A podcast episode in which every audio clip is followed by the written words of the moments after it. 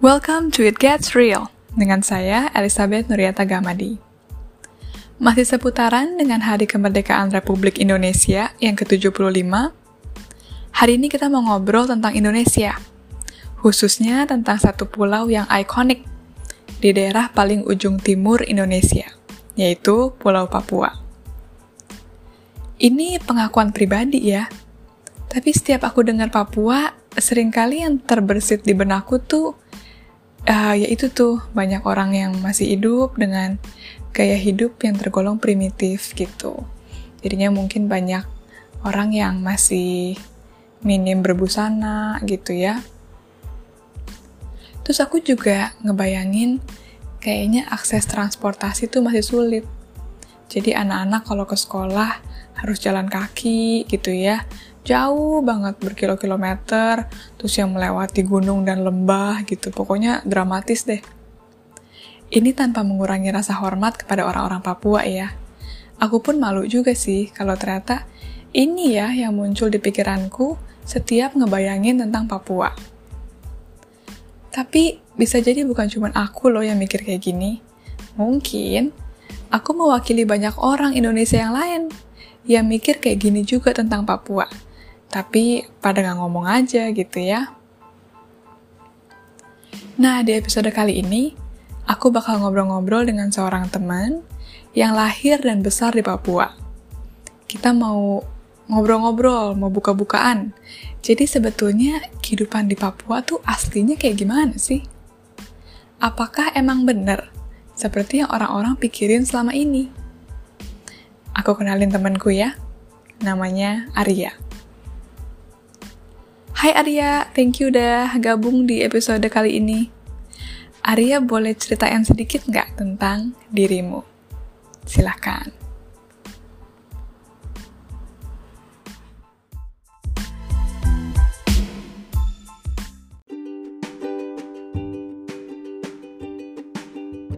Uh, halo semuanya, perkenalkan saya Arya Kuai Uh, saya lahir dan besar di Papua, di kota Sorong. Jadi kalau teman-teman lihat di peta, beli peta dulu kan di toko buku di situ peta Papua. Kalau apa di bagian kepala burungnya, bagian barat, bagian barat Papua, gitu. Terus uh, saya merantaunya sebenarnya dari dari SMA, cuman kuliahnya ke Jawa itu sudah berdekade-dekade yang lalu terus kuliah di UKSW uh, Universitas Kristen Satya Wacana di mana saya bertemu dengan Elizabeth yang luar biasa ini. Terus uh, balik kembali ke Papua baru 2017 kemarin. Gitu jadi ya lumayan lah lumayan agak inilah lama di Jawa gitu Wih, seru banget ini. Seru banget ini udah berasa kayak reuni virtual sih Arya. Iya, bener banget. Terus Nah, Arya, tadi kan kamu cerita juga ya, kamu kan sempat pengalaman hmm. merantau gitu. Keluar dari Papua, udah gitu ya sempat masuk ke tanah Jawa, Jawa Tengah, Salatiga gitu ya.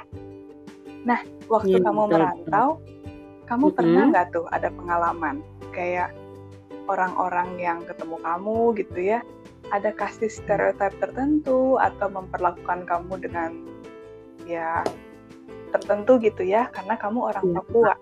Ya, Kalau betul, ada betul. boleh diceritain nggak?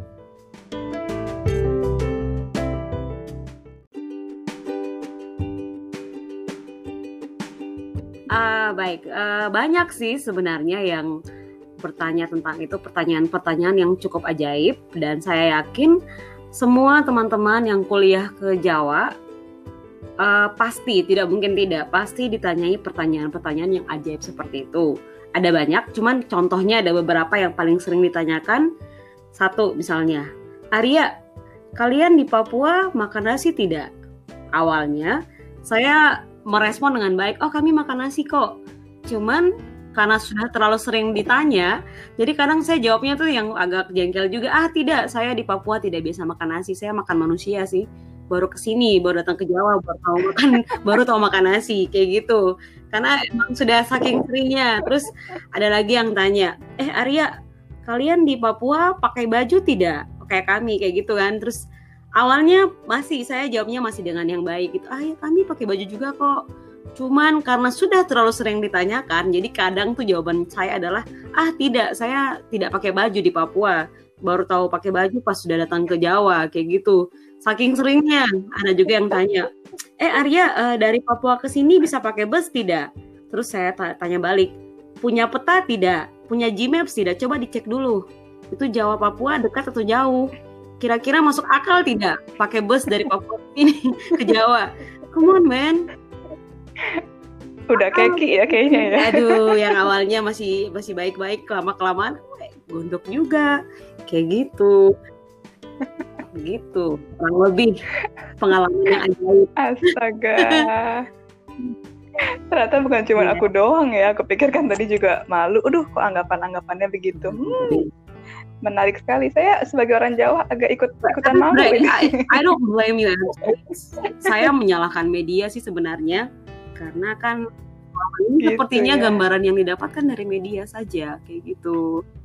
Betul, betul banget hmm. sih. Dan itu pemberitaan tidak sebanding Arya. kayak gitu. Oke. Arya ini kayaknya waktu ah. banget ya jadinya untuk ceritain Lumayan. gitu ya sejujur-jujurnya sebebas-bebasnya jadi menurut kamu keadaan di Papua tuh kayak gitu ah, nggak sih ya. jadi ya banyak tuduhan-tuduhannya gitu kan orang uh. naik elang gitu kan ya, ya. di Papua gimana sih sebetulnya ya, okay. monggo monggo Arya jadi begini teman-teman ya sebenarnya kami di Papua masih makan manusia Nah, itu bercanda. No. Jadi begini teman-teman. Sebenarnya kami di Papua uh, sama saja dengan teman-teman yang ada di Pulau Jawa, Kalimantan, Sulawesi dan yang lainnya. Uh, memang dulu waktu pertama kali saya mau ke sana ke Jawa, saya sempat agak takut, agak deg-degan. Aduh ini bagaimana ya nanti cara menyesuaikan diri. Nah ternyata setelah tiba di sana Iya, iya. Loh, tidak terlalu beda jauh gitu dengan yang ada di sini. Misalnya, uh, di sana ada mall, kami di Papua punya mall juga kok. Kayak gitu, tidak melulu hutan, no, ada mall. Di sana ada pertokoan, ada kafe, kami pun punya di sini kayak gitu. Di sana ada truk, ada bus, kami punya di sini. Jadi kami ke mana-mana ya pakai pakai truk, eh pakai truk, pakai taksi, pakai mobil. Kami tidak pakai elang, kami tidak pakai naga, kan? tidak pakai babi ke mana-mana tidak. Sama seperti teman-teman di sana, pakai ojek, pakai angkot, kayak gitu. Jadi uh, ya jadinya ternyata saya kaget juga loh. Ternyata sama saja tuh. Mungkin yang membedakan adalah adat istiadat dan kebiasaan kayak begitu kan beda pulau ya, jadi beda kebiasaan. Terus kayak misalnya acara bicara, kami di Papua okay. kalau bicara mungkin cepat begitu seperti kendaraan yang 100 km per jam. Hmm. Kalau di sana di Jawa kan Jawa Tengah ya apalagi ya, jadi kan uh, lebih woles, lebih alon-alon, terus adat istiadatnya juga beda. Itu sih yang yang yang memang butuh penyesuaian di situ. Tapi kalau yang secara infrastruktur kayak gitu biasa aja, sama aja kayak gitu. Toh uh, kayak di Jawa ada tempat yang sudah maju sekali, tapi kan ada juga kan tempat yang kalau agak ke dalam, ke pedalaman kan tidak terlalu maju. Sama dengan kami di Papua, di kota lebih maju, tapi masih ada juga daerah-daerah yang tertinggal. Jadi basically itu sama saja kayak begitu betul bet tapi itu itu dari segi ini ya infrastruktur. Cuman kalau masalah transportasi misalnya mungkin bedanya wow. kalau di Jawa antara kota sudah bisa pakai kereta api kalau di sini belum. Kami mesti membelah gunung-gunung kayak gitu. Karena di sini masih banyak gunung-gunung. Kami orang Papua kayaknya kaya kaya jadi kalau mau dari satu kota ke kota lain kami pakainya pesawat gitu kan. Ah nggak pakai travel nggak pakai bus patas gitu kereta api no. Pesawat, ya atau kapal. Okay. gitu. Itu mungkin sih yang sedikit membedakan kalau untuk yang infrastruktur kayak gitu.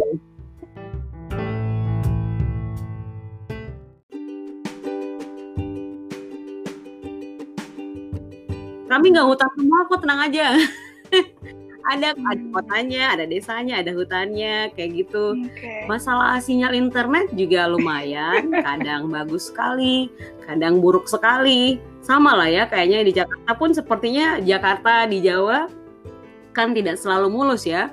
Pasti ada saat sinyal sangat menyebalkan kayak gitu. Jadi sama aja seperti itu. Betul, Cuman betul mungkin kak kalau mungkin be, uh, apa ya pengalaman kemarin-kemarin di HP tulisannya 4G, ya ternyata sinyalnya ternyata kualitasnya 2G, something like that. Tapi ya sama aja sebenarnya kayak gitu. Uh, jadi kami tahu banyak hal tentang tentang Jawa. Kami tahu oh di Jawa tuh ada kereta api, ada yeah. sawah, ada candi Borobudur kami tahu lewat buku-buku, tapi saya tidak yakin kalau kalian dulu waktu kecil belajarnya apakah pernah belajar tentang Papua? Oh, di Papua itu paling belajar PPK doang ya kayaknya. Thank wow, God we have internet. Wow. Kalau dulu mungkin pemberitaannya dari orang luar kan. Ya, jadi maksudnya yang diberitakan pun hmm. mungkin tidak seluruhnya, hanya yang sepihak sebagian yang sebenarnya tidak betul kayak begitu, Bet uh, untungnya sekarang kita punya internet kan? Jadi uh, sekarang kami yang di Papua bisa bisa uh, ini loh kami kayak kami men, apa sih memberitakan diri kami. Ini loh Papua dari sudut pandang kami bukan lagi dari sudut pandang orang orang lain kayak gitu. Jadi bisa iya untungnya punya internet. Jadi kami istilahnya bisa meluruskan gambaran-gambar yang gambaran-gambaran yang sebenarnya selama ini tidak seperti itu. Kayak begitu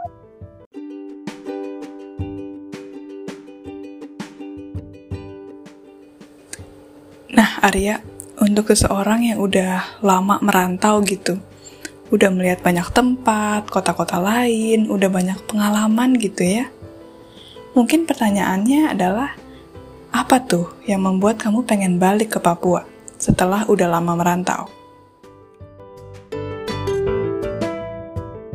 Uh, mungkin berhubungan hmm. dengan passion sepertinya.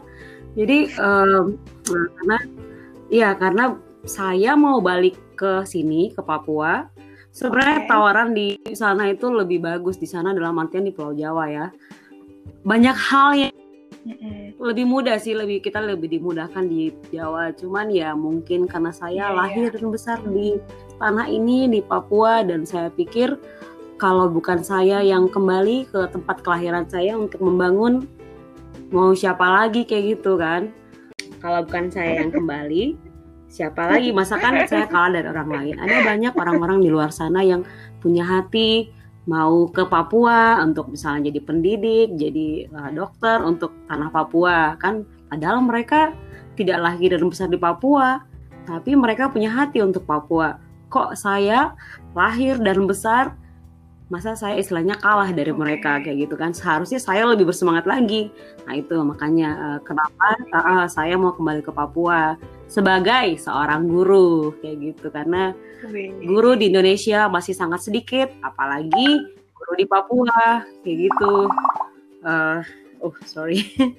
Jadi itulah kenapa saya mau balik ke Papua. Saya mau mendidik anak-anak Papua. Saya mau anak-anak Papua jangan sampai kalah dengan anak-anak yang dari tempat lain kayak gitu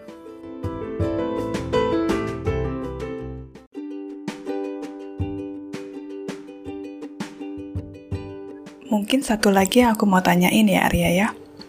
Kalau kamu bisa kasih pesan atau message gitu ke orang-orang lain, khususnya orang-orang yang tinggal di luar Papua, kira-kira pesan apa tuh yang kamu mau sampaikan ke mereka tentang Papua?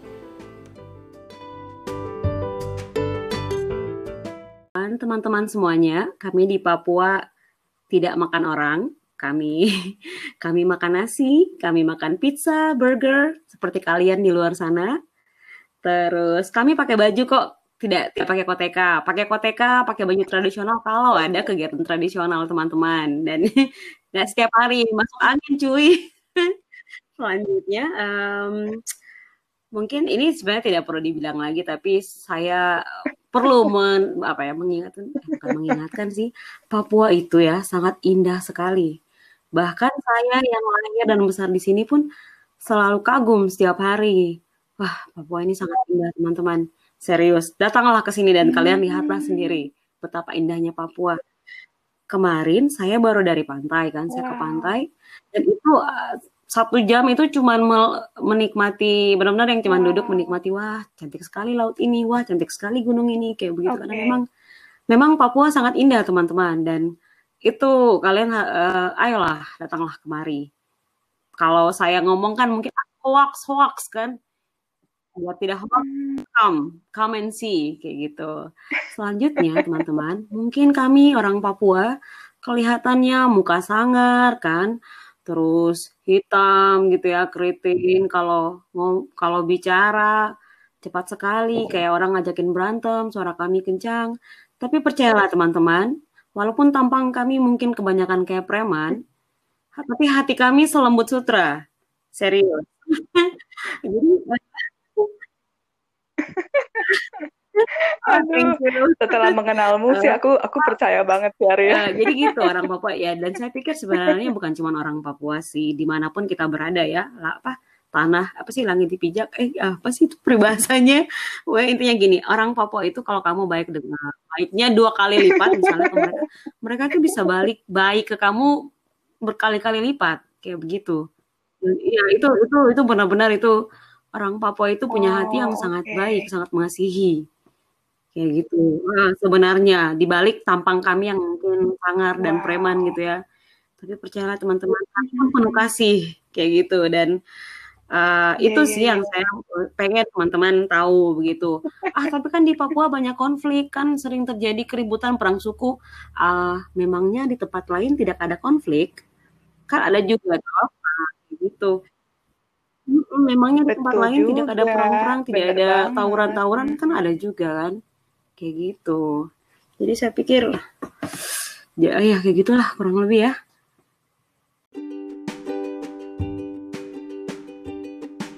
Untuk tokoh gereja yang penting di Papua dia uh, ini kurang lebih kata-katanya seperti ini. Barang siapa yang kerja di tanah Papua dengan hati yang tulus, maka dia akan dibawa nah, dari satu tanda heran ke tanda heran yang lainnya. Maksudnya adalah kalau ke Papua uh, bekerjalah dengan tulus, maka itu akan diberkati hidupnya dan itu terbukti. Ada banyak orang-orang dulu yang ke Papua kayak mungkin trans, orang-orang kayak gitu kan dan mereka sudah nyaman di Papua, mereka itu sudah tidak mau balik ke ke tempat asal mereka. Kalaupun balik paling cuma okay. liburan. Jadi gitu sih. Mana ah, jadi memang ke Papua itu kalau bekerja dengan hati yang tulus pasti akan diberkati. Oh. Tapi sebenarnya kalau mau dipikir lagi ya, kalau kita bekerja di mana pun di mana pun kita berada, kalau dengan hati tulus ya pasti diberkati lah ya. Cuman hmm. cuman mungkin kalau di Papua mungkin lebih kali ya karena paling ujung kali, I don't know. Seperti itu kayaknya. Kurang lebih seperti itu. Nah.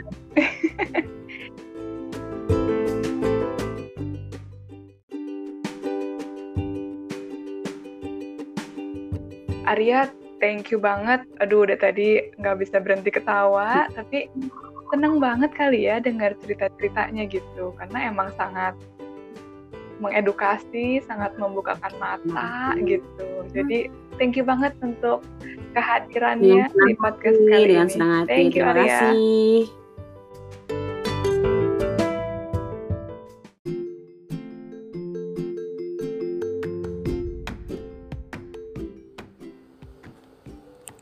Wow, seru banget dengar cerita-ceritanya, eye-opening sekali. Aku aja sampai jadi ikut-ikut apa pakai bahasa aksen Papua gitu ya, padahal aslinya Sunda. Um, tapi sangat bersyukur aku secara pribadi jadi belajar um, sebetulnya kondisi di Papua tuh sekarang gimana gitu. Karena sedihnya ya kita mungkin ya kita banyak yang nggak tahu tapi udah berasumsi negatif duluan gitu. Um, teman-teman, semoga episode kali ini mengajak kita mau untuk terus belajar, mau untuk terus peduli, sama mungkin tempat-tempat dan budaya-budaya lain yang berada di luar budaya masing-masing kita. Sebetulnya ini nih yang bisa jadi awal dari tonggak semangat persatuan NKRI. Ini kayaknya masih hawa-hawa kemerdekaan gitu ya. Karena kita dengan dengan kita makin mengenal, kita makin peduli Gitu. Jadi Arya sekali lagi thank you. Terima kasih juga buat teman-teman yang udah ngedengerin. Sampai nanti di episode berikutnya. See you soon.